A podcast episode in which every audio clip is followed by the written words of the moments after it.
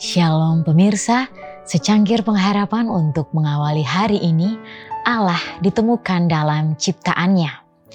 Sebab apa yang tidak nampak daripadanya, yaitu kekuatannya yang kekal dan keilahiannya dapat nampak kepada pikiran dari karyanya sejak dunia diciptakan sehingga mereka tidak dapat berdalih.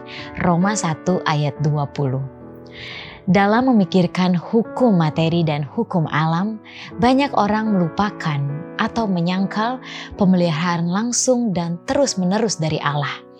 Mereka menyampaikan gagasan bahwa alam bertindak secara terpisah dari Allah, memiliki batasan dan kekuatannya sendiri untuk bekerja.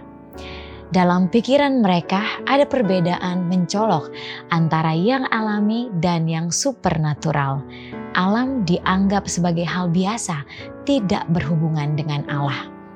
Kekuasaan yang sangat vital diberikan kepada alam, dan alam dijadikan Allah.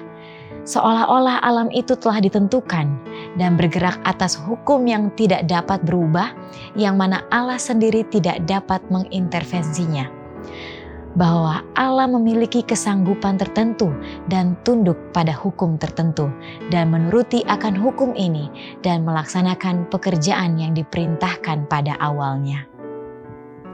Ini adalah ilmu pengetahuan yang palsu.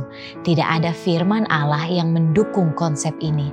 Allah tidak membatalkan hukumnya, namun Allah tetap bekerja melalui hukum tersebut, menggunakan hukum sebagai alatnya. Hukum alam itu tidak bekerja secara independen. Allah tetap bekerja di alam. Alam adalah hambanya, diarahkan sesuai kehendaknya. Dalam alam ciptaan terlihat kehadiran oknum yang memiliki intelijensia yang bergerak aktif di seluruh alam ciptaannya menurut kehendaknya bukan dengan kekuatan asli yang ada pada alam, sehingga tahun demi tahun bumi menghasilkan kelimpahan dan terus mengelilingi matahari. Tangan yang maha kuasa terus menuntun planet ini.